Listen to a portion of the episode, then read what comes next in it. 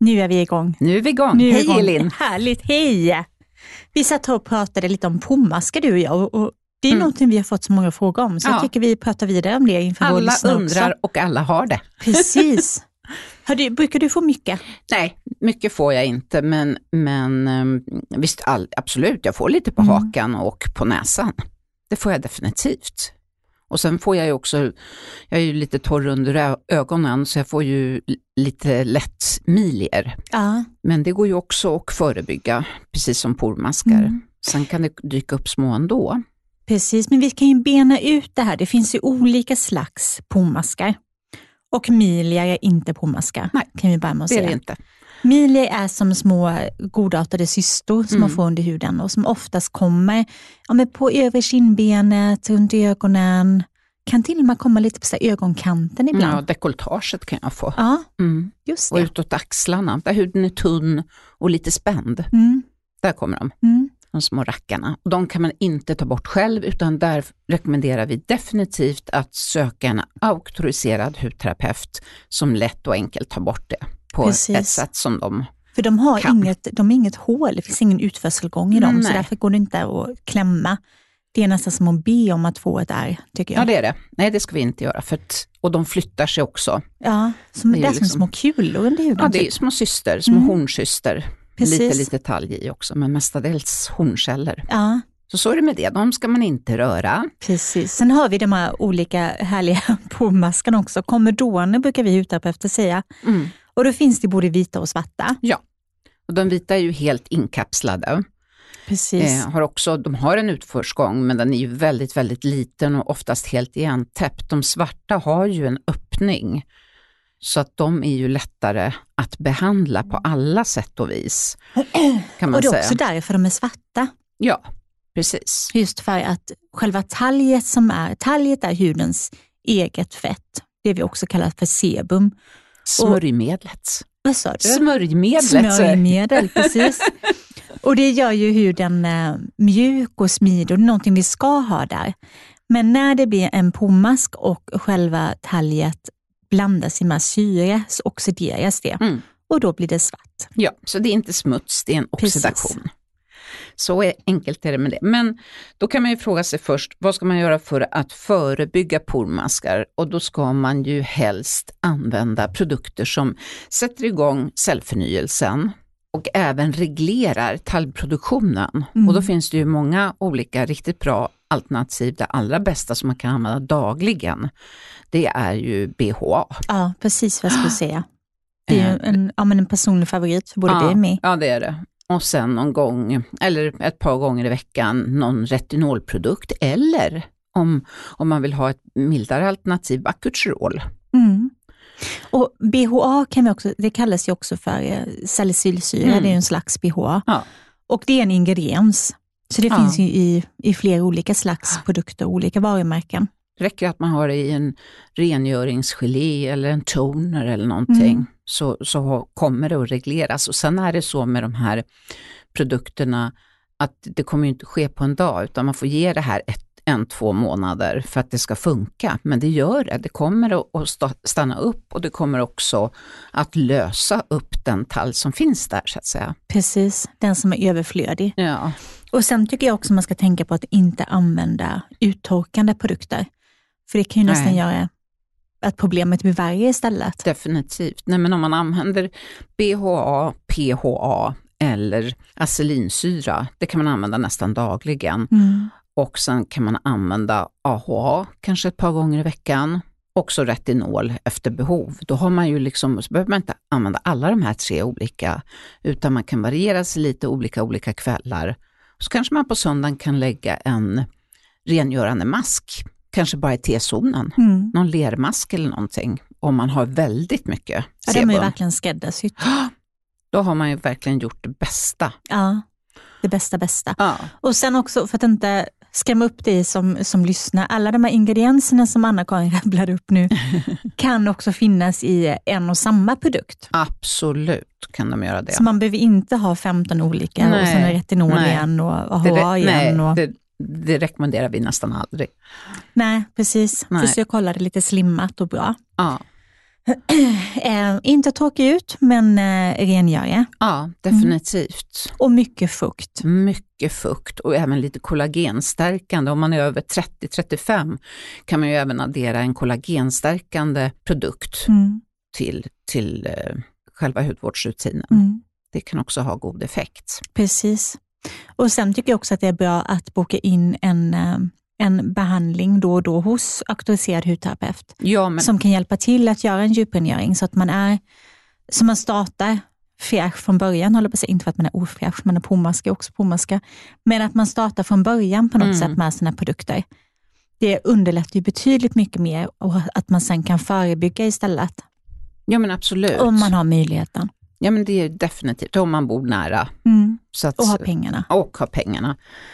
Annars så kan man faktiskt, som vi har pratat om förut, satsa på en sån här ultraljudspeeling för hemmabruk. Ja, verkligen. Den, alltså, den gör under och sen om du använder den en gång i veckan var tionde dag och mm. sen sköter huden efter något sånt liknande schema som vi nyss beskrev, då kommer det bli jätteskillnad på ja, huden.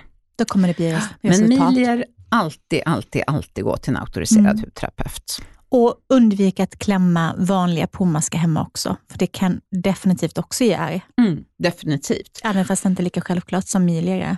Och sen finns det någon annan liten variant också som heter sebumfilaments. Just det. Mm, som ser ut lite mer som vita trådar nästan. Ja, mm. men precis. Så man kan få för sig att man kanske ska dra ut med pincett eller någonting sånt. Men det bästa är även för det, den, den, här hudåkomman, om man säger så, de, de, är ju oftast väldigt små, så om man mm. inte tittar i förstoringsspegel eh, så ser man dem nästan inte. Men om man tycker att man har det och eh, att det är störande så är det absolut BHA som mm. funkar bäst, eller acelinsyra. Eller bara strunta i vilket och acceptera att de är där. Ja, det, det är ingenting det som är farligt. Nej, det är det inte. Det kan vara lite störande när man lägger foundation bara, för då syns de. Och på tal om foundation, det är ju verkligen ett riktigt grundtips, men att eh, vara noga med att göra en ordentlig rengöring varje kväll, så man verkligen får bort ja, all makeup och inte lägger sig med makeupen. Inte slarva i hårfästen och i ögonbryn och mm, käk, käklinjen är också en sån här. Tvätta ner på halsen. Annars är det lätt tips. att det kommer. Ja, visst, då Där också. täpper du till och så mm. lägger du på natthudvårdsrutinen natt, och så liksom, mm. nej, det blir fel. Rengöring är A och O. Ja, men det är det verkligen. Nu har vi rätt ut det här tror jag. Nu har vi rätt ut det här ja. ordentligt, känns det som. Ja. Eh, nu ska vi snart börja prata massa om smink istället. Det ska bli jätteroligt. Mm. William Wernhild som är makeupartist kommer hit. Ja, Men, det blir spännande. Ja, det blir det. Men först är det dags för beautysvepet. Idag vill jag tipsa om torrschampo och hur du använder det. För att det är någonting som många använder på ganska fel sätt, tyvärr. Torrschampo är en superduper produkt för de som inte vill tvätta håret allt för ofta. Du kan eh, börja med att dela upp håret i olika partier och sprida torrschampot underifrån så att det kommer nära hårbotten. Det bästa är att göra detta innan håret blir allt för fett, för då kommer det inte hjälpa lika bra, utan gör det hellre en dag för tidigt än en dag för sent. När du har spejat i det så låter du det verka en stund, flera minuter, och sen kan du börja rufsa om håret lite så att själva det här pudret i torrschampot sprider sig i håret. Om du rufsar om håret direkt så kommer du inte få alls samma resultat. Och om du glömmer att rufsa runt, då kommer du få massa vita fläckar i håret istället. Och de vill du förmodligen gärna undvika. Jag tycker också att det är bra att kombinera torrschampo med en, eh, ett djuprengörande schampo när du väl tvättar håret sen så att du verkligen rengör hårbotten ordentligt. Och har du problem med din hårbotten så bör du vara mer sparsam med torrschampo eftersom det i så fall kan irritera. Annars är det en superprodukt, särskilt för stressade affärsmänniskor eller småbarnsmammor som jag själv. Jag har två olika favoriter bland torrschampo. Den första är från Davines och heter More Inside som eh, ger jättefint resultat utan att ge någon direkt struktur på håret. Det blir alltså inte, eh, inte lika testligt utan mjukt och följsamt men känns ändå väldigt lent. Och rent såklart. Det andra är ett eh, riktigt bra budgettips som är från Four Reasons och eh, heter bara Original Dry Shampoo och jag tycker att håret blir eh, betydligt, känns betydligt renare och sen så får du också en riktig vavavoom-volym som jag älskar. Helt fantastisk. Och den eh, ja, kostar ungefär hälften så mycket. Så där har du två stycken jättebra tips att testa. Lycka till!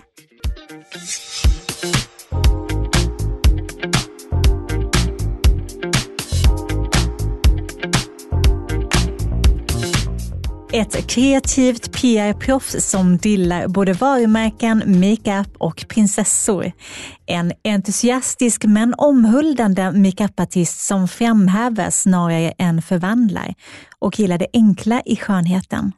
Välkommen till hudvårdsdjungeln, William Wernhild. Tack snälla, kul att vara här. Så Välkommen. Ja.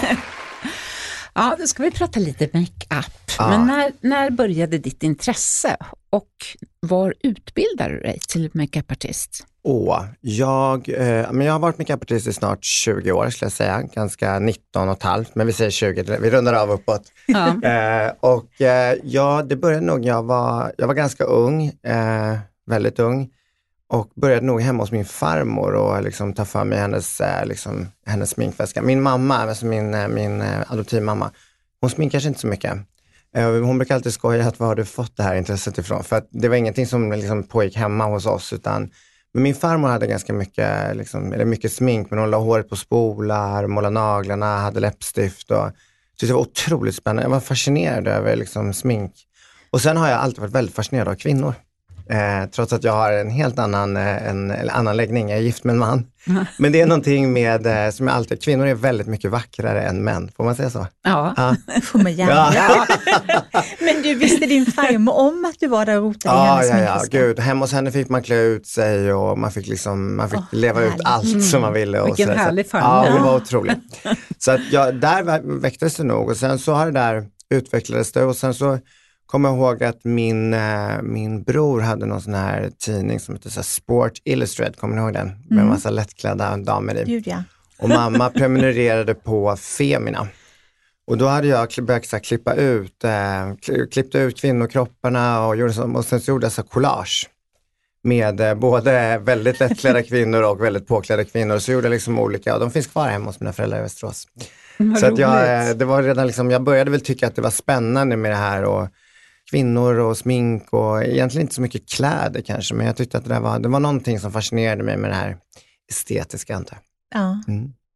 Men gjorde du som klippdockor då eller var det bara Ja, att du liksom alltså, nu när jag tittar på dem så måste jag säga, jag var, då var jag kanske 6-7 år, så jag var ju rätt ung. Ja. Men det är ju en precision att klippa ut, speciellt de här eh, Sport Illustrated. Eh, och då kommer jag ihåg att det var eh, Tyra Banks och Naomi Campbell och de här. Jag var otroligt fascinerad av de här eh, supermodellerna. och vilket då min mamma och jag liksom kan skratta åt. Att det var, och det var inte att jag liksom, jag var inte intresserad av bröst och såna här grejer, som jag, alltså, utan det var bara att de var så vackra tror jag. Mm, jag tyckte att det var jättes... Själva utstrålningen ja, kanske? Ja, jag tror mm. det. Men sen så finns det också collager med de här Femina-klippen också. Så det, var, det var lite högt och lågt. Liksom. Det var gott och blandat. det var gott och blandat. Det var inoljat och det var påklätt. Och det var liksom... de, då var ju supermodellerna var ju sådana det säger väl allt att de, bara att de kallades supermodeller. Mm. Men de var ju sådana stjärnor. Ja. ja. men det var ju filmstjärnestatus. Ja, liksom. ja och jag tror också sen så jag var redan fascinerad. Liksom, eh, när, jag var, när jag var riktigt liten så fanns det något som hette Fröken Sverige, kommer ni ihåg ja. det? Mm. Eh, och det var ju någonting annat än vad det, vad det har blivit idag. Och jag, jag hade en, en dagbok där det skrev så här, min högsta dröm är att få lära känna Fröken Sverige. Eh, det var tydligen något, oh. jag var tro, det var liksom, då var det väl, för vi satt jag och farmor och tittade på det, det gick på tv då. Eh, och det var ju inte lika, eh, det var en ganska trevlig tävling, det var inte så onaturligt som det kanske är idag. Det var mm. ju, det var en ganska snäll tävling. men sen några år senare när jag flyttade till Stockholm så en av mina bästa kompisar var Fröken Sverige när vi lärde känna varandra. Så det, till slut så slog drömmen, drömmen slog in. Mm. Gud vad häftigt. Ja. Var det enbart därför du blev kompis med henne? Nej, hon sa det lite senare sen. Så då, det här var när det hade börjat liksom, eh, klinga av lite grann. Det här var ja. väl 2003. Så hon var en av de här sista som var liksom, när det fortfarande tv-sändes. Um, så att eh, Fröken Piteå. Mm. Så, så att drömmar kan slå in. Ja.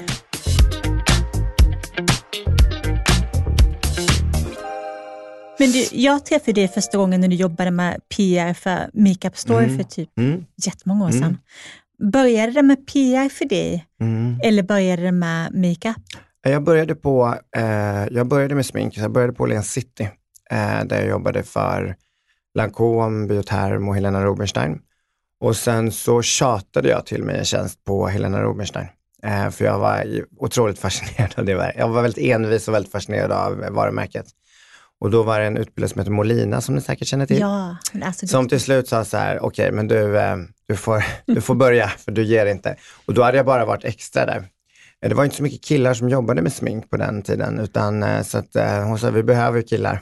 Så att, och då utbildade jag mig först via L'Oreal Luxury, hette det då. Mm. Och sen så eh, gick jag eh, International Makeup Center eh, när jag hade varit där ett tag. Och, och hur, sen lång, hur lång är den utbildningen? Den är 16 veckor tror jag. Ah. Mm. Så gick jag den och sen så uh, började jag ju på Makeup Store några år senare.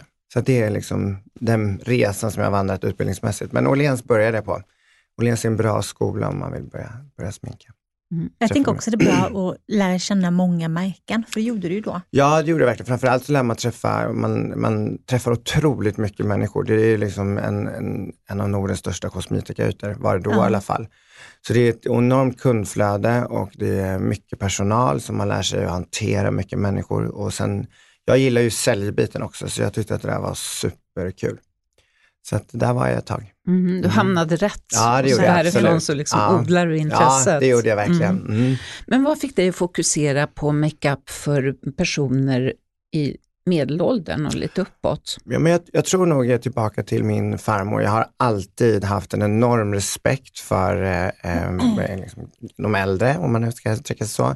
Och sen så tror jag att den, de varumärkena som jag har jobbat med, om man då börjar med Helena Rubinstein och, och sådär, det var väldigt länge, så eh, det var en äldre målgrupp eh, som hade en bättre plånbok bland annat, men, men som också som jag började jobba med, som jag sen också fortsatte jobba med.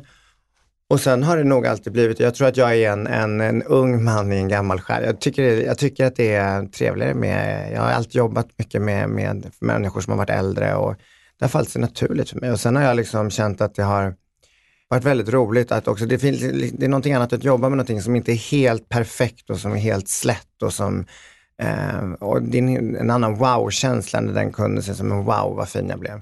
Än någon som redan är helt tillfredsställd kanske med mm. sitt yttre. Men det måste också vara svårare? Både ja och nej. Jag kan tycka att det är, eh, alltså när jag, jag är, när jag tittar på ett ansikte så, så ser jag ganska snabbt vad, jag, vad som tilltalar mig, om det är läppar eller om det är ögon eller Eh, så att, nej, jag har nog liksom, eh, det där har man lärt sig, jag tror framförallt när man liksom just har jobbat med en mer mogen målgrupp, så har man liksom lärt sig det här med vad som är viktigt, att det är viktigt med fukt, inte för mycket puder och de här grejerna. Så för mig har det snarare varit liksom när den här influencermarknaden slog igenom och eh, då blev det snarare, det var, en, det var snarare en omställning för mig, för jag har ju alltid jobbat på ett annat sätt än vad det här, eh, liksom, vi som har jobbat i branschen så länge och kanske inte liksom marknadsfört oss genom sociala medier. Och man behövde liksom haka på det där tåget delvis, så eh, då blev det snarare svårare att eh, eh, liksom vidga sina kontakter där än vad det var att liksom sminka liksom, mogen hy för mig. Ja, jag, ja. känner igen mig precis ja. faktiskt. Och Jag tycker också när jag är ute och, och jobbar som makeupartist så tycker jag också att det är roligare mm. att sminka men vanliga människor. Ja äldre än, ja, men om man sminkar en 18-årig modell mm. Så blir det ju inte samma skillnad heller och det blir inte samma det, det, blir liksom inte samma wow. Och, nej, det blir inte samma wow. Och sen så tror jag, jag har gjort väldigt mycket bröllop genom åren. Så mm. det har liksom varit, och de är ju inte heller jätte, jätte unga kanske, eller det är klart det är unga kvinnor som gifter sig, men de är liksom inte i sina bästa 20 kanske.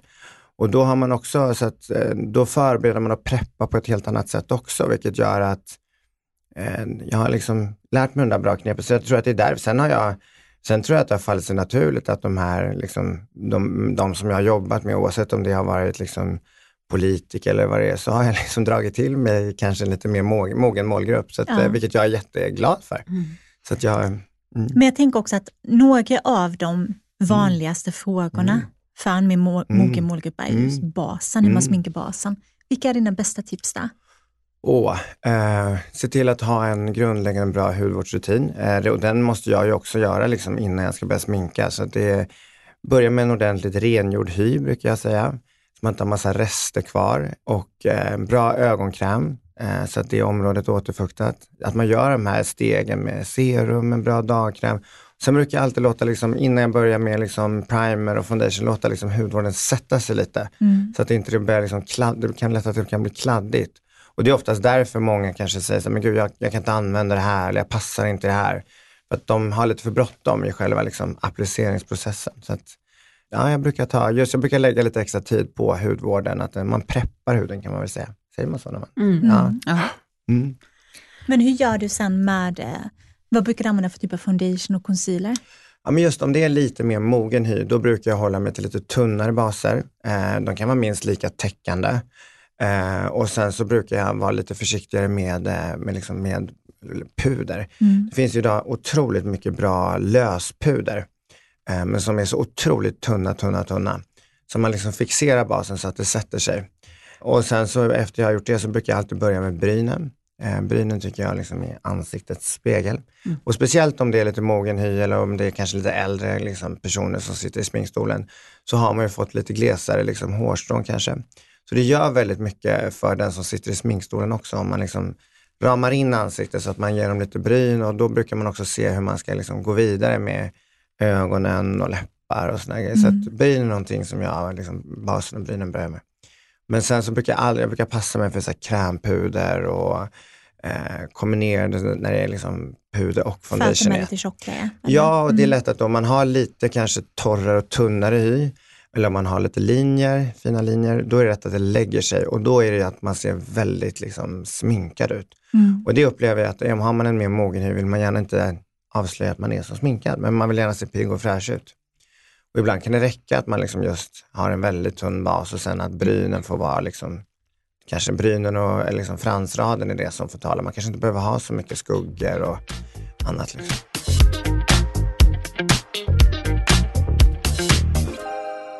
Tillbaka till mm. foundation. Har du några favoritmärken för mer mogen målgrupp, ja. 40 plus? Mm, jag gillar ju Sensai. Jag tror att den heter Satin Skin.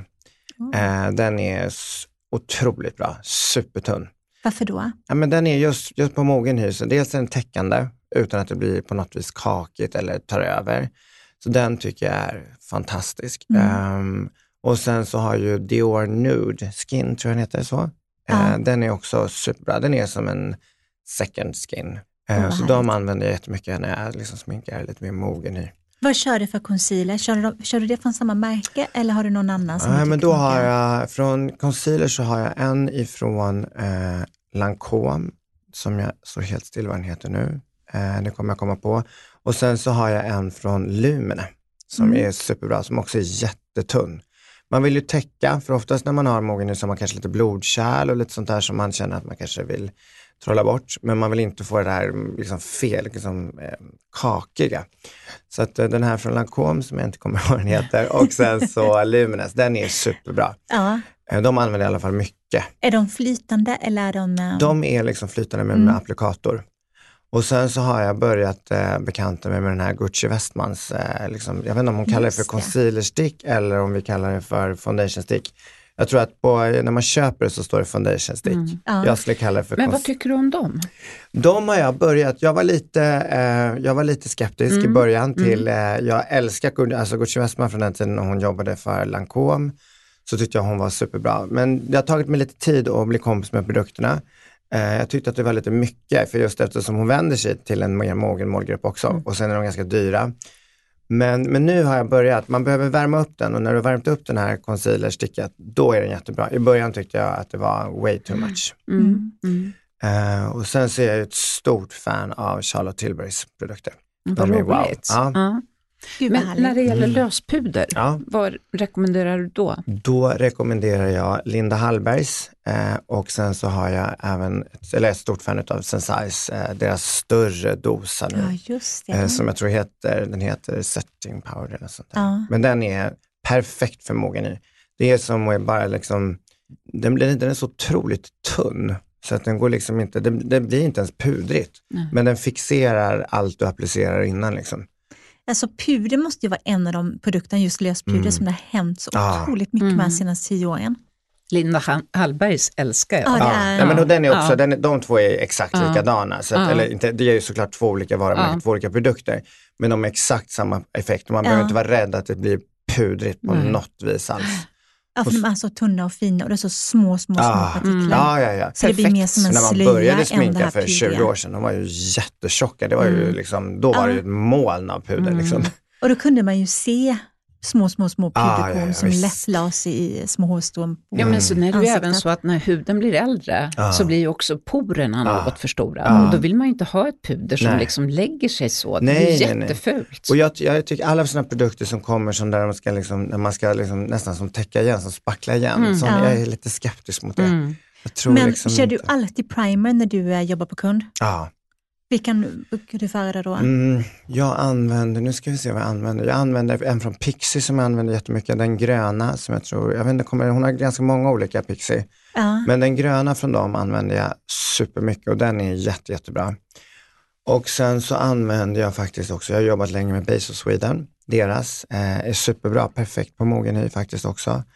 Och vilka har jag mer? Sen har jag en rackare från Maybelline som jag använder mm. jättemycket, en rosa. Ja, den. Eh, som jag använder. Jag gillar, jag är inte, det måste inte vara dyrt för att vara bra, utan jag hittar liksom favoriter som jag kombinerar och, och blandar. Eh, men de primerna är, en primer för mig ska liksom fixera det som kommer sen. Jag är, den ska liksom inte sudda ut för mycket eller liksom ha för mycket täckning själv i sig, utan den ska man liksom kunna använda som den är bara. Mm. Som är lite som en dubbelhäftande tejp. Mm. Ja, exakt. Eh, exakt. Eh, och sen har jag precis också börjat använda den här Charlotte eh, Tilburys ja. eh, primer som är, när man kommer ut ur tuben ser det ut som att den är guldig, men den liksom adaptar hudens egen hudton. Men den är väl okay. perfekt om man ska kanske göra någonting lite mer på kvällen. Den ger ganska mycket glow. Ja. Men den är superbra. Mm. Glow gillar vi. Ja, ja glow gillar ja, ja, ja, verkligen. Men har du några andra tips för en hud som är lite äldre, mogen? Ja. Ja, men jag, jag skulle nog säga just det här med fukten är super, eh, det, det är nog med liksom, och att man kanske, för jag menar det var ju någonting som, jag, jag är ju en sminkmänniska egentligen, men har nog liksom, ju äldre jag själv har blivit insett hur viktig hudvården är. Mm. Eh, så att jag skulle nog säga om man liksom, om man inte till vardags sminkar sig så mycket, men vill liksom sminka sig till fest, då skulle jag lägga, liksom, kanske lägga en sheet mask, lite eye patches innan så att man för det är oftast det som gör att man blir lite, upplever jag, de som, som sitter i sminkstolen, att de har sminkat sig så de blivit rädda för det här, för att det blev inget fint när de gjorde det. Och då är det oftast att man har ett tunnare hy, mm. så att man lägger på då concealer och man, man, allt det här, men det blir liksom inget bra för att man är torr. Så har man liksom balanserat fukten i huden så brukar oftast resultatet av sminket bli väldigt mycket bättre. Och sen satsa på produkter som är ganska tunna och lätta i konsistenserna, både concealer och foundation Eh, och sen kanske inte, liksom bara för att man ska sminka sig måste det inte vara ögonskuggor och sådär, utan man kan liksom, jag tycker att läppstift är en accessoar i makeupen, matcha läppstiftet och naglarna kanske.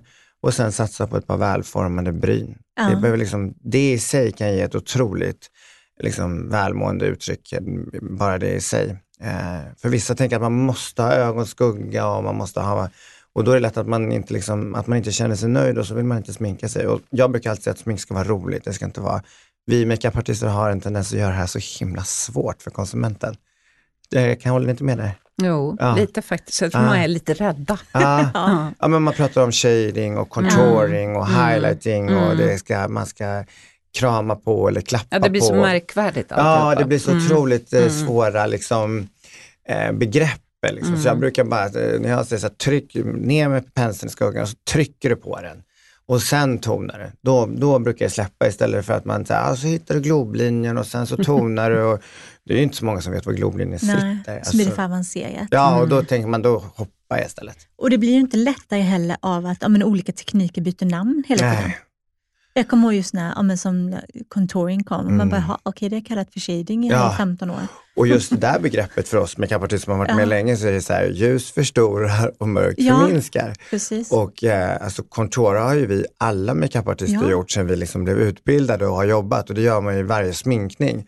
Och sen så hände någonting med den här Kardashian-trenden eh, och då var, det, då var det contouring och det var ju tacksamt för att branschen, det hände ju väldigt mycket i branschen, men då skulle ju plötsligt alla bli makeupartister och sminka sig själva med för så mycket smink som, som, eh, som de här Som möjligt. som, som, Kardashians har, det, behöver man, det har ju inte en vanlig, liksom, en vanlig, eh, en vanlig gemene man på dagen. Alltså, det är ju otroliga mängder, det är en red carpet-sminkning. Ja. Ehm, Men det jag också tyckte blev så knasigt då, det var ju att alla skulle göra contouring, alltså när man skulpterar ansiktet, mm, eh, på samma sätt. mm.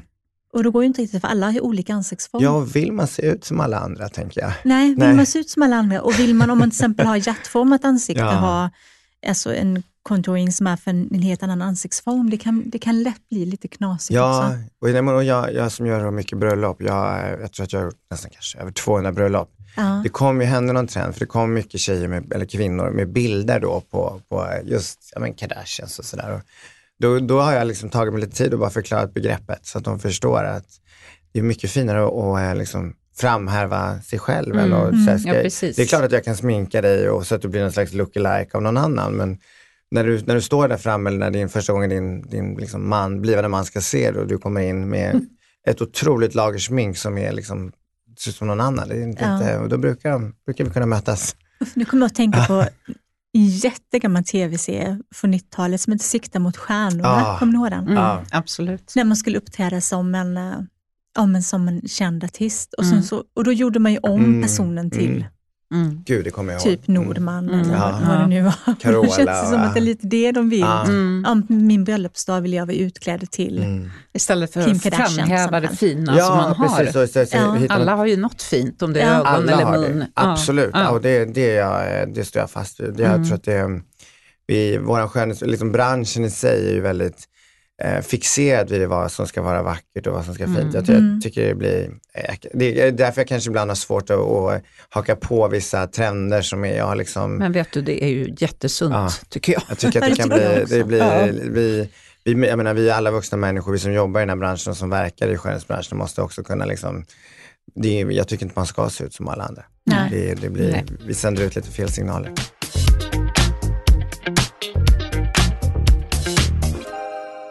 Det här avsnittet sponsras av brun utan solmärket Saint-Tropez som är marknadsledande inom sitt segment.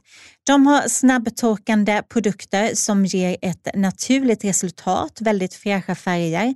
Jag har själv använt Saint-Tropez regelbundet under flera år och jag har aldrig blivit orange i tonen eller fått någon annan missfärgning.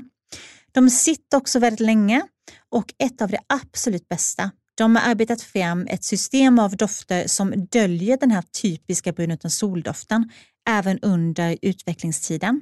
Produkterna är lättapplicerade. De är också hudvårdande till skillnad från flera andra brun utan solprodukter som jag tycker kan bli ganska uttorkande på huden. Det finns ett stort sortiment. Du kan välja med eller utan guidefärg. Det finns flera olika formulas som mist, spray, lotion, mousse till exempel. Sedan kan du välja från lätt solkysst look till extra dark beroende på hur mycket färg du har från början och hur mycket färg du vill ha. Jag kan ofta blanda lite, att jag har lite mörkare färg på benen än vad jag har på resten av kroppen. Tips för att få färgen att sitta snyggt är att exfoliera huden 24 timmar innan, återfukta och sedan är det dags att applicera. Bäst är om du använder en appliceringsvante.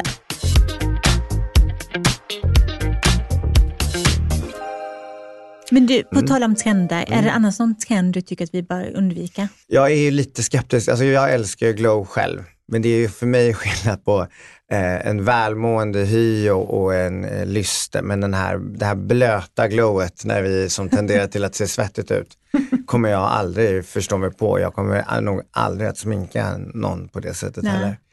det är liksom, jag vet inte om det är, det är kanske jag som börjar bli gammal, att jag tycker inte att det är så fint att se svettig ut. Jag vet inte. Jag har liksom, det har liksom gått överstyr med, mm. med de här glow-produkterna. Ja. Jag eh. älskar glow, men på ett ställe. Ja, och lite lycklig. Man, man vill helst vara, nej, nej, nej, och inte liksom näsa och haka nej. och överläpp och kinder. Går runt som en diskokula. Ja, det är helt otroligt. Men då tycker jag ofta knepet också kan vara att ja, men antingen att ha någon mer transparent mm. produkt mm. eller någon som är lite typ eh, hudnära i tonen. Ja. Tänk lite som, um, som champagne till exempel på mig själv. Ja. Eller Ja, men jag tycker att just den här glow Istället vara, för de metalliska. Ja, det blir så. Och sen så tror jag att det ska vara, eller tycker jag, det kan vara att det, eh, det ska liksom bara vara pricken över i. Det ska mm. liksom vara en liten slutfinish. Börjar man liksom ha en primer med glow, en foundation med glow och sen så har man liksom ett puder med glow och så har man ett rouge med glow. Det blir, de här produkterna tenderar ju liksom att liksom skiva sig till slut. Ja. Och då, det är då det blir lite bara kladdigt ut. Utan liksom ha en grundläggande bra bas som kanske ganska matt och sen så kan man liksom ta den där sista touchen. Det är det sista jag gör egentligen i mina sminkningar och då mm. brukar det hålla. Ja. För att det där är ju fint i ungefär en timme efter att du har lämnat badrummet. Sen kommer ju, kroppen Jag bli kan se dig komma springande där ja. med en efter. Liksom. sen kommer det ju bli helt, liksom, sen kommer det bli varm under dagen och då mm. kommer mm. det där ja. kleta ihop sig bara. Men använder du makeup själv dagligdags? Mm, ja, men idag har jag väl gjort mig lite extra fin för mm. en skull, eller på att säga. Mm. Eh, men jag, jag, har en, eh, jag har en färgad, ehm, det här är nog, om man ska gå tillbaka, det, det är som en brunkräm. Mm. Fast det är ju inte en brunkräm, man använder inte begreppet, men det är svårt. Den är eh, från Sensai, en, en tub, det är som en färgad gelé. Ah. Som finns i tre okay. olika nyanser och den har jag använt hur länge som helst. Mm. Och sen så använder jag ett eh, setting powder och sen använder jag ett solpuder. Om jag ska sminka mig så är de grejerna jag ja. liksom har. Mm. Eh, de ligger liksom alltid i väskan. Så om jag ska mm. göra någonting så jag blir pigg på två sekunder. Eh, och den är liksom lättare än vad en normal foundation är. Perfekt för, för nästan lite geléig. Ja, ja visst, exakt. Ja, ja, då förstår jag som en, som en gelé och eh, fanns jättemycket sådana produkter på 80 och 90-talet. Ja, exakt. Och mm. Jag visade den här mm. Eh, för, för en kompis och så det där, är, det där är som nutidens brunkräm. Mm. Ja. Uh, för det är, ingen, det är inte täckning? Nej, det är lite, lite grann. Det skulle jag säga. Sen så duttade jag på um, ett setting powder ovanpå. Och sen så kan man väl då säga då contourar jag väl lite med ett solpuder. Mm. Ja, men solpuder är ju som en kamp med, fortfarande med vissa vänner som vill ha det i hela ansiktet. Solpuder är ju en, liksom någonting man ska ha på de högsta punkterna i ansiktet om man nu mm. ska... Mm. Ja, där man blir brun. Ja. Vilket använder du då? Har du någon favorit? Ja, jag har faktiskt en, jag har en favorit nu som jag har som heter från Carl and Son. Man säger väl Carl ja. och son på svenska mm. egentligen. Jag säger Carl and Son. Ja.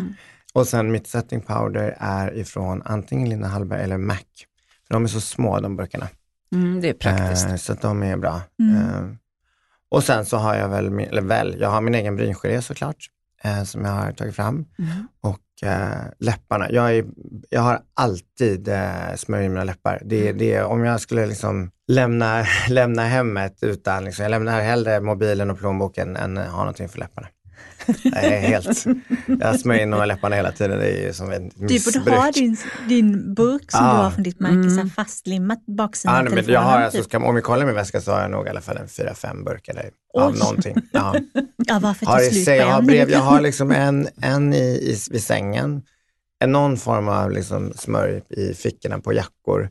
Så, och sen sen jag lanserade min egen så går jag runt, den ligger ju överallt. Ja. Eh, så att den jag vet inte, jag tror att, jag, där kan ju säkert ni som är hudterapeut svara på. När man har, jag tänker att när man har vant läpparna vid någonting, så är det ju liksom, då är man ju, det är egentligen det dummaste man kan göra. Nej, Fast, nej men, för, för ja, du har inte vant huden vid det. Du har, eller... du har vant det vid känsla. Ja. Precis. Mm. Jag, jag, jag, så kanske stämmer jag, precis, ja. för att jag gillar inte att vara torr om läpparna. Och det men är du är inte torr bara för att du har slutat använda Nej. För att hade du aldrig börjat så hade du också varit så torr. Mm. Är det en myt att ja. man, om man mm. vänjer läpparna vid någonting så är det Wow! Det är en myt. Ja. Gud vad bra, för det, ja. har, det, har, det ska jag säga Så du kan fortsätta smörja? det, kan, det kan vi slå fast här och nu.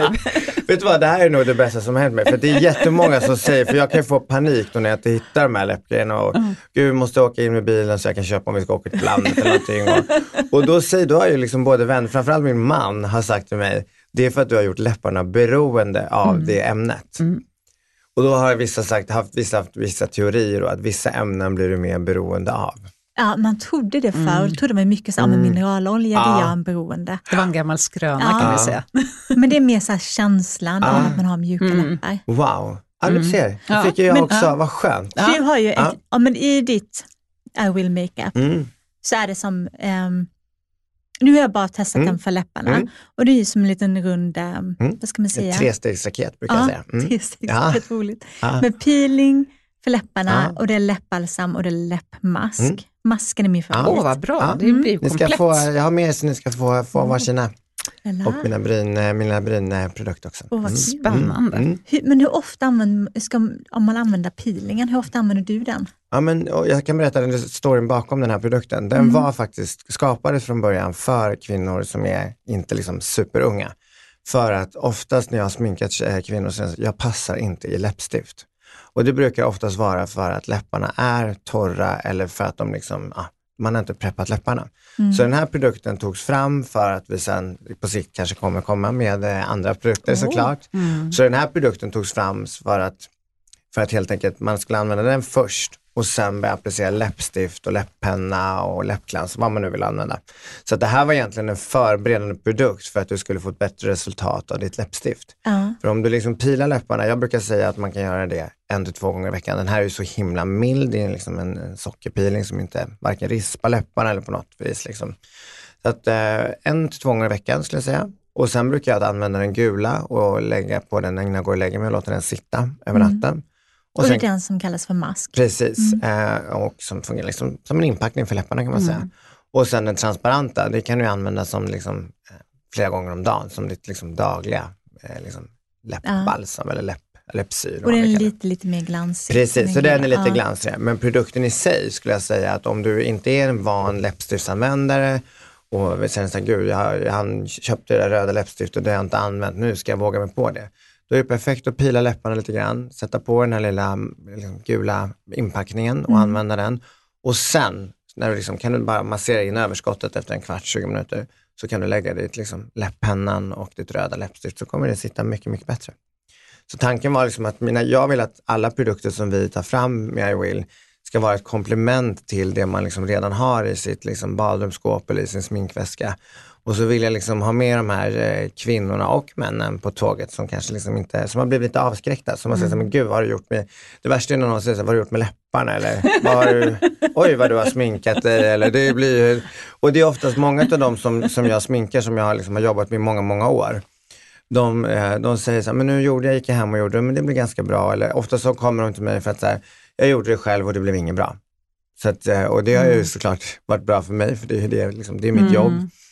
Men när man har stått på det där i 20 år så har man liksom, då är det just upplever jag, brynen vågar man inte gå och plocka själv. Läppstift vågar man inte ha för det är någon som har kommenterat. Och jag tror att alla människor besitter någonstans liksom en osäkerhet. När man kommenterar varandras utseenden så, så blir det ganska känsligt. Och då tänker jag att jag liksom, jag kanske kan bidra till att eh, kvinnor och män kan hitta tillbaka till eh, en sminkrutin som de tycker är kul, där de liksom inte är rädd för att göra fel.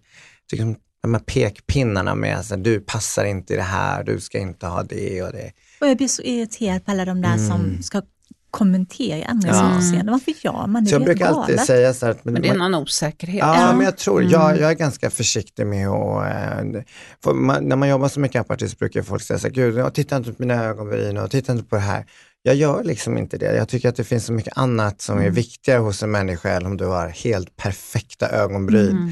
Så att, men däremot så tycker jag att det är roligt om, om folk kan tycka att smink är kul och att om de då har hamnat i en situation där de känner så här, men, ja, men nu dränkte jag ansiktet i solpuder. Så att snarare att man då, då är det ju ser det som mitt jobb och mitt uppdrag att så här, använda så här så kommer det förmodligen bli lite bättre. Mm. Så kommer du känna dig bekvämare. Så att, och sen när det kommer till det här med nyanser så brukar jag säga att alla kan ha exakt alla nyanser. Det handlar bara om att hitta rätt nyans av blått, brunt eller rött mm. eller vad det kan vara. Att... Kan, kan, du av... Nu kommer vi in på ja. ditt varumärke här och det är mm. jätteroligt. Mm. För hur länge sedan är det du startade det? Vi startade det för två år sedan och lanserade det för drygt tio månader sedan. Mm. Eh, mitt i pandemin. Ja, mm. precis. Eh, ja. Och jag är ju själv produktutvecklare ja, så jag vet ju hur lång ja, tid det tar mm, från tanke till att du håller den färdiga produkten var, i handen. Hur lång tid ungefär är var det för dina produkter innan? Ja, innan eh, första då Magic Lip Care kom, Magic Lip Care Kit kom till, det var nästan två år skulle jag säga. Mm. Eh, och eh, eh, hon som eh, har jobbat med produktutveckling med mig för det här, hon, hon var väldigt trött på mig när vi var klara. Men jag, eftersom man har jobbat så länge så visste jag precis hur jag ville att konen skulle smälta på läpparna och jag visste hur den här inpackningen skulle vara. Jag visste vilken känsla jag ville ha. Och det, det är liksom, man har en sån tydlig bild, om man, just när det kommer till smink och hudvård, så vet man ju precis när man har jobbat med det, så jag vet hur jag vill att mina läppar ska kännas. Och använder, om jag håller mig till min egen läppprodukt, då behöver jag inte smörja mig. Nu smörjde, min, smörjde min egen till härifrån till kontor. Liksom, då var, från, när jag smörjde in mig när jag var på kontoret, nu Ja. behöver jag inte hålla på. Men hade jag smörjt in mig med någonting annat, då hade jag nog suttit här nu mitt Mm. under sändning, höll jag på att säga, och smörjt in läpparna. Så att jag vill liksom skapa produkter som jag, liksom, som jag tror på, som jag, som jag själv vill använda. Ja, Eh, och som håller den och kvaliteten. som håller den kvaliteten Ja. som jag själv Mm. står Ja, annars hade man ju också bara gått runt och tänkt på det sen. Ja. Ja, här är min produkt, jag är inte Ja, helt ny. nej så men hade är ganska ny. Ja. Nej, men det går inte. Nej, nej men gäller, alltså, I precis. Mm. produktutveckling, det gäller ju att ha en kemist som har ett otroligt Ja. tålamod med alla ens Ja, och det, idéer. och så har jag ett team som har haft mycket tålamod också. Så att, och sen, den stora turen har nog också varit att vi har, vi har möjligheten att, att skapa, liksom att vi inte har någon stress med att liksom växa Ja. jättesnabbt. Utan, utan vi har liksom en bra plan och ett bra team bakom mig. Vi är ett litet men bra team som Mm. gör det här tillsammans. Och det får ta Ehm, den tid det tar. Det får ta den tid det tar. Men, och sen så var det klart att pandemin kom och sådär och vi har haft en väldigt bra start, vilket jag är supertacksam för. Men nu är produkt tre är på väg. Spännande. Eh, Oh, la, la. Mm. Så det är, kommer bli spännande. Det är en produkt som är, kan avslöja så mycket som att det är en produkt som är kombinerad för bryn och ögon. Wow. Ja. Och som är lätt att använda och som jag hoppas att den där kunden som har tappat bort sig i, i sminkdjungeln ska tycka är Ja. kul och lätt att använda. Var, var kan man köpa produkterna idag? Eh, idag kan man köpa dem på I will makeup eh, på vår hemsida. Eh. Så där har vi liksom, och sen inom kort så kommer det komma fler återförsäljare. Ja, vad roligt. Eh, så vi har börjat, vi har två salonger som har börjat sälja, eh, lite mindre som är hudterapeutsalonger. Mm. Eh, så en ute på Ekerö och en på Gärdet. Mm. Eh, så det är superkul. Kul. Och sen kommer vi gå in på de här större aktörerna som når ut liksom. Men, Mm. men det är också ett bra kvitto att jag vill liksom att de, när de här hudterapeuterna köpte in och valde det så är det för att det är ju ett varumärke som ska funka för den här konsumenten som kanske inte har lika mycket erfarenhet som kanske vi tre har. Eh, Men som vill ha de här enkla knepen som gör, att, som gör stor skillnad. Har man fräscha välmående läppar och ett par välplockade ögonbryn och så, här, så brukar man... Kommer man långt. Då kommer man långt på. Ja. Så att det är snarare den typen av produkter vi... Men du, på tal om eh, att preppa. Mm. Du är ju BFF med prinsessan Sofia Mm, och jag kommer ihåg att du gjorde hennes Mm. mm. bröllopsmakeup. ja. Hur gick planeringen till?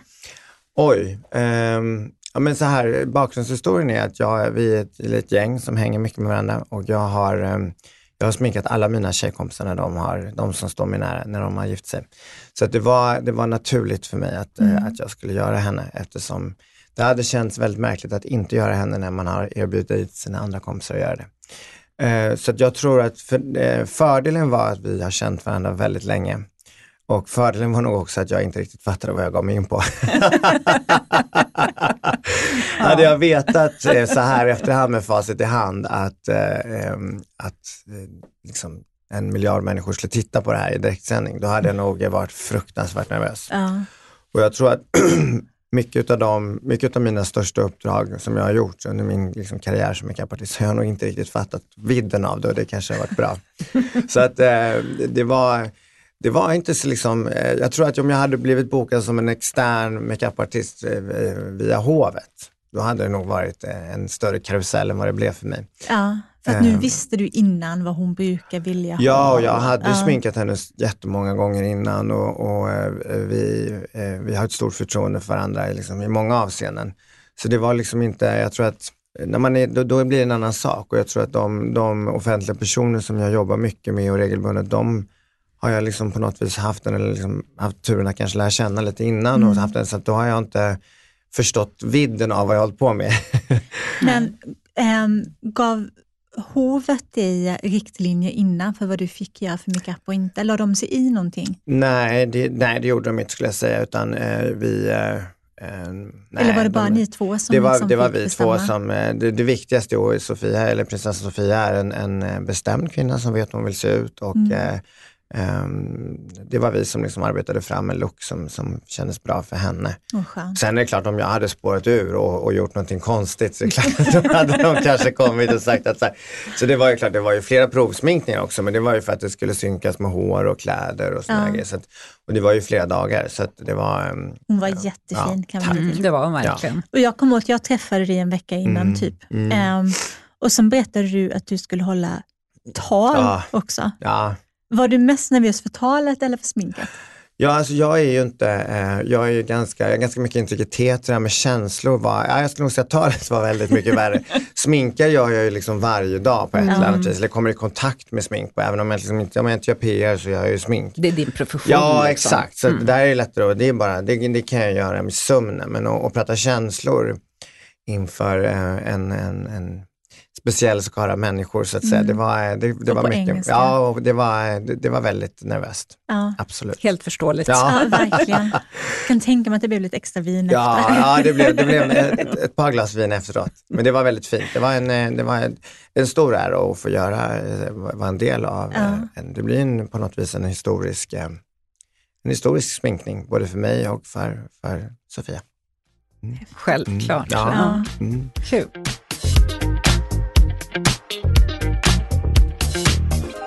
Men du har gjort över 200 brudsminkningar. Mm, mm. Vad tycker du har varit mest utmanande? Åh, Ja, men det är en, en utmaning när det kommer just till eh, brudar är att de har, många har liksom gått och fantiserat och drömt om det här med att gifta sig hela livet. Och de har en tydlig bild av om hur de vill, vill se ut. Mm. Och det, det, det svåraste är när de kommer med en bild som säger så här vill jag se ut. Och det, man kan ju inte säga då till personen i fråga att du ser inte ut så, så det är i praktiken omöjligt. Jag, kan mm. inte, jag är inte plastikkirurg och jag kan inte Nej. trolla.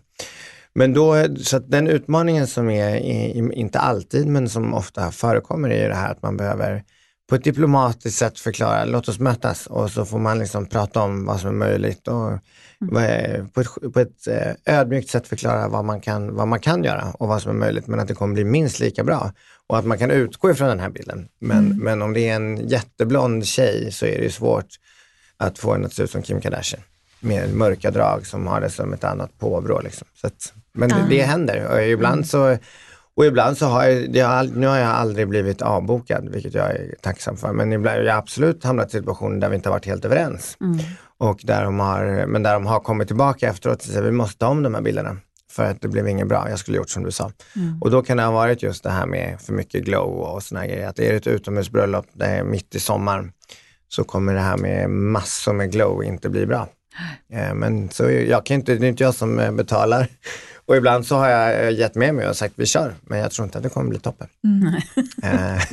det var bra ändå vara ärlig in i det Ja, sista, men det måste man vara. Ja. Annars så kommer man, och så då har det, har, det har jag gjort kanske under de här åren, kanske fyra gånger mm. har vi tagit om bröllopsbilderna efteråt och då ska man ju göra om hela den här grejen. Mm. Man... Och det är en ganska stor apparat. Det är en ganska stor apparat och det är en ganska stor kostnad framförallt ja, för bröllop. Ja, ja, visst. Mm. Men jag tänker också, det finns ju ganska många som um, kanske inte har möjlighet att boka mm. makeupartist beroende mm. på var man bor någonstans, mm. ekonomi och så, och som tänker göra sin brudmakeup själva. Mm. Har du några särskilda tips till dem? Vad tycker du man ska tänka på? Ja, men dels fördelen eh, idag, eller i nutid, är att det finns ju eh, mycket online. Eh, vi har börjat lägga upp lite grann på vår plattform eller på liksom, iWill, eh, hur man kan skapa sin egen bröllopslook faktiskt. Eh, och man behöver inte göra det så komplicerat. Då börjar man ett par månader innan sitt bröllop och övar lite. Om man tar hjälp av lite tutorials eller liksom klickar in på ja, vår hemsida kan man titta på också man kan ju höra av sig till makeupartister och fråga. Man, jag, menar, jag tycker det är kul att dela med mig av min kunskap. Så jag tycker liksom inte att det är, jag har jättemycket kvinnor som skriver och frågar vad rekommenderar du och eh, vad tycker du att jag ska använda? Och jag tänker liksom om man delar med sig lite av sådana grejer mm. så är sannolikheten att den dagen de kanske har en bättre ekonomi eller ska köpa någonting så kanske de köper produkter från mig eller bokar mm. mig. Ja, det är ju karma, det är ja. ju så. Ja. ja, men eller hur, jag mm. tror det.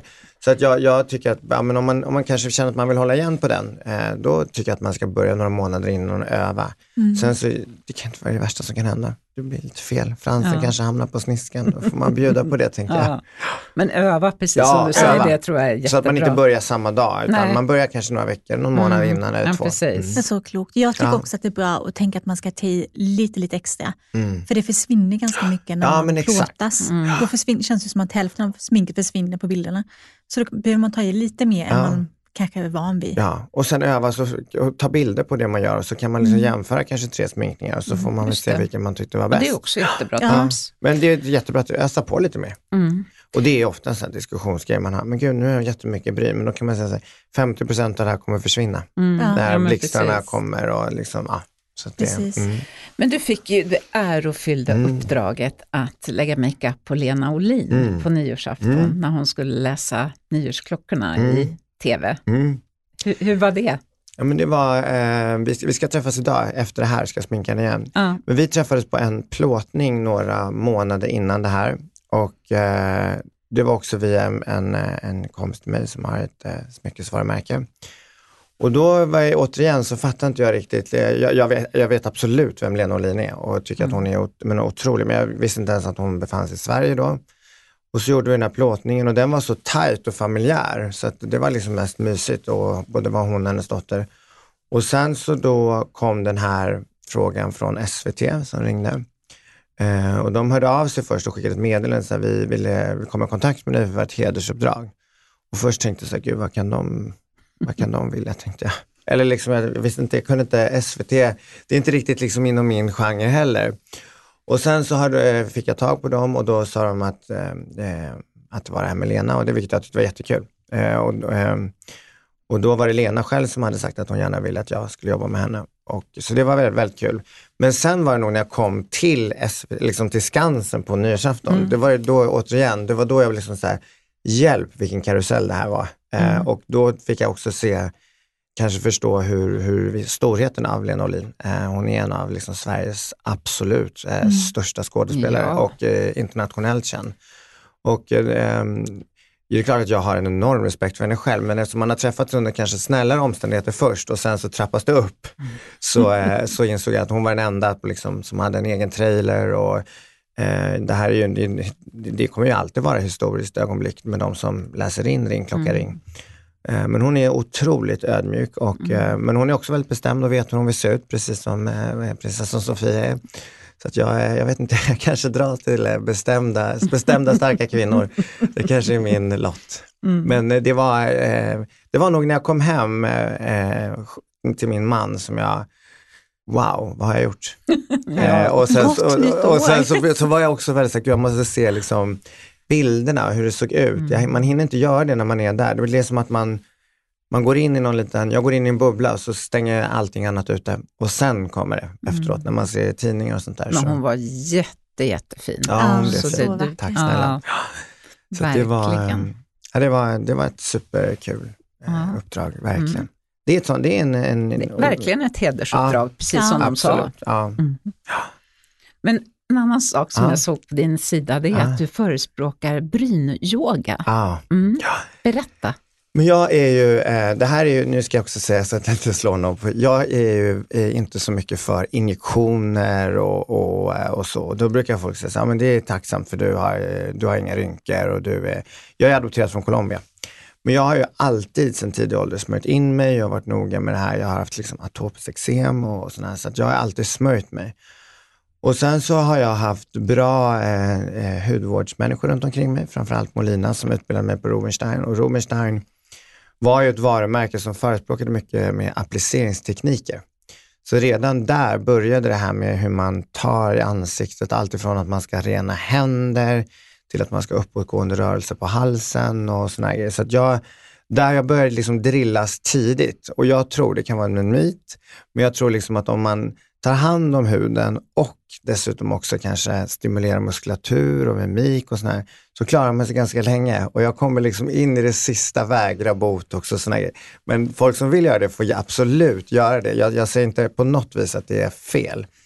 Men jag tänker att eh, just eh, sån här runt ögonen och så, om man liksom masserar och klämmer lite mm. extra mm. så tänker jag att det är mm. liksom Att det ja men absolut. Kanske, jag Ja, vet ja. inte vad säger Och det stimulerar ju också mikrocirkulationen Exakt. och du sätter fart på lymfan, Ja. lymfdränaget. Ja. Så absolut, det har ju gynnsamma effekter. Och sen så är det klart att här, sen om, när jag är 70, då kanske jag får köra ett snitt och dra allting bakåt. Men, men jag, liksom, jag kommer nog att, in i det sista kommer jag.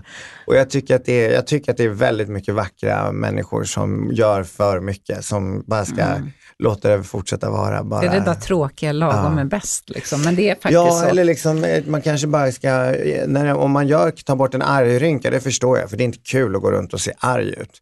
Men när man liksom börjar se så här förvrängd och Mm. fylld ut, då är det inget bra. Nej, det blir lite Nej, det blir konstigt. bara konstigt Ja. Ja, Lite så det- onaturligt. Men det, det är efter smak och tycke. Ja. Ja. Men du, vad har du för hudvårdsrutin? Åh, den, är, ja, men den lägger jag extra mycket tid på. Som jag, jag eh, rengör ansiktet på kvällen, inte på morgonen. Eh, jag vet inte, det har jag alltid bara gjort. Men det har nog också varit för att jag är ganska torr och känslig, så att börjar jag liksom överdriva tvätten så blir det inget bra. Och sen så har jag väl ett eh, ansiktsvatten eller något, ett micellärvatten har jag använt. Och micellärvatten var någonting som kom sent in i livet för mig, det fattar inte jag. Ansiktsvatten och micellärvatten trodde jag var exakt samma sak. Eh, men micellärvatten använder jag. Och sen har jag serum eh, och ögonkräm och jag har, eh, på dagarna har jag alltid samma nästan. Eh, det är en från det Evi, det här Daily Repair, som är perfekt, det som är så otroligt, eh, lite så här extremtendenser. Och på nätterna har jag antingen ett, se, liksom ett nattserum eller nattkräm, det är som en kombinerad natt, fast det är liksom i oljeform, säger man. Mm. Säger man. Ja, oljebaserat. Ja.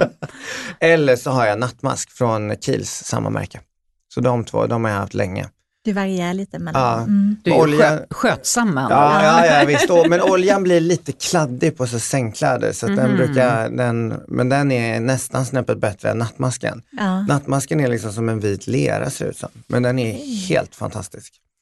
Är det den som är, näst, är som en stor vit burk och som är Exakt. nästan som ett vax? Liksom? Ja, Mm. exakt så ja. Exakt. med. Ja, den är Mm. superbra. Mm. Så det, det kommer ner. Och sen på somrarna så övergår jag nog bara att, eh, eh, till en liksom tunnare geléform. I, den här mossen är ju liksom perfekt nu på vintern. Mm. Sen använder jag solskyddsfaktor året om. Det är jag helt besatt av.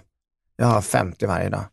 Jag känner att du klickade i alla de här liksom, Ja. hudterapeuternas... Ja, vi, vi är så nöjda med Ja, dina ja, svar. Vi är så nöjda med dig William. Vilket, men solskyddsfaktorn var också en grej som kom sent för mig. Ja. Jag har ju alltså varit sol och solarium tidigare. Ja. Det där hörde vi Nej, inte. nej det är precis. Det här var ju till tidiga tonår. Och sen så var det, sen slutade det med det. Men sen fick jag ganska fula pigmentförändringar. Mm. Eh, och det har jag, så jag har ganska tunn hy. Så jag började ju med solskyddsfaktor sen tidigt och sen har det där, ju äldre man blir desto mer eh, liksom, så Desto klokare desto blir man. klokare blir man. Så att jag I har bästa 50 fall. året om. Så de som inte tror att man blir solbränd på vintern, det blir man. Så smörj in er med solskyddsfaktor. Mm.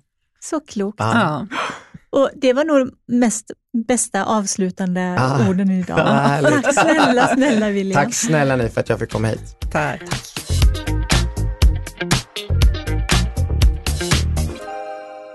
Ja, vilket härligt avslut. Ja, verkligen. Bra summering. Bra summering, precis. Men eh, tack för den här veckan. Ja, Vi hörs snart igen och glöm inte att eh, prenumerera på oss. nej. Och ge ett litet betyg till podden Precis. om ni har möjlighet. Hej Ha då. det fint. Hej då.